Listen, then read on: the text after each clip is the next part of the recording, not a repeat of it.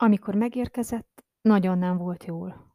A szíve napok óta össze-vissza kalimpált. Levegő után kapkodott, és ok nélkül is remegni kezdett.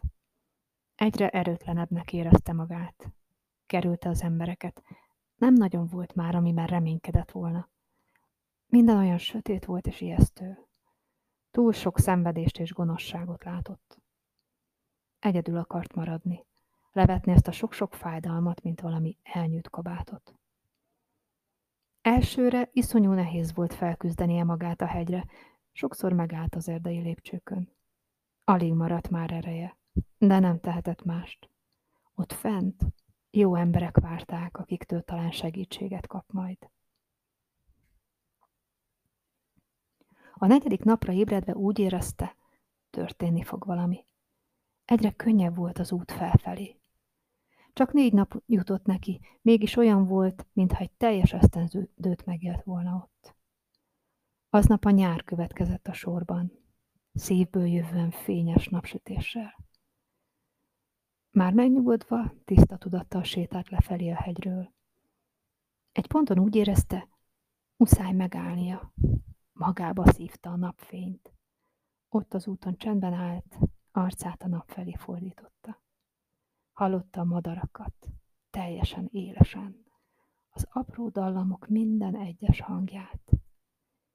Mielőtt becsukta a szemét, kristálytisztán látott mindent maga körül, a legutolsó fűszálig, a pocsolya felett repkedő bogarakig. Mindent.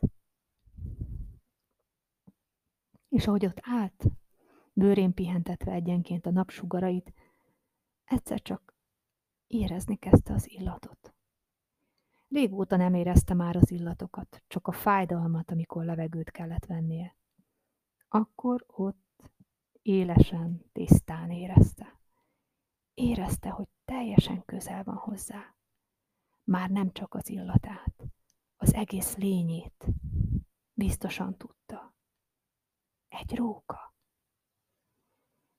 Egy ideig várt, hogy meglássa, úgy tűnt, mint hiába. Tett néhány óvatos lépést. Akkor vette észre, hogy a sárban ott voltak a róka nyomai az út szélén. Jó kivehető, friss lábnyomok.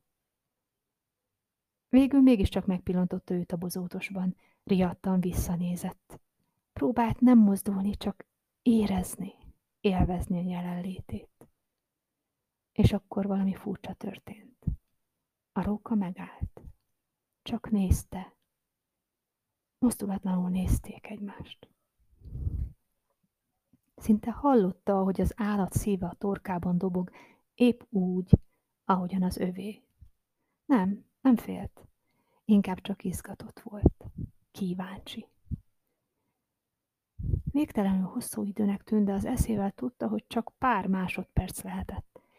Mintha egy láthatatlan nagyító kitágította volna a teret és az időt.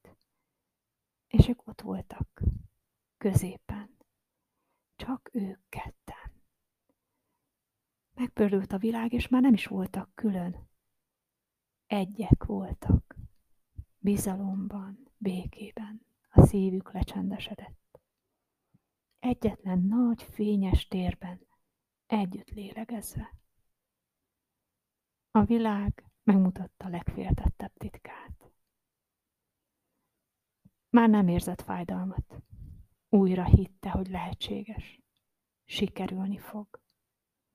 A fájdalom és a sötétség nem uralkodhat örökké.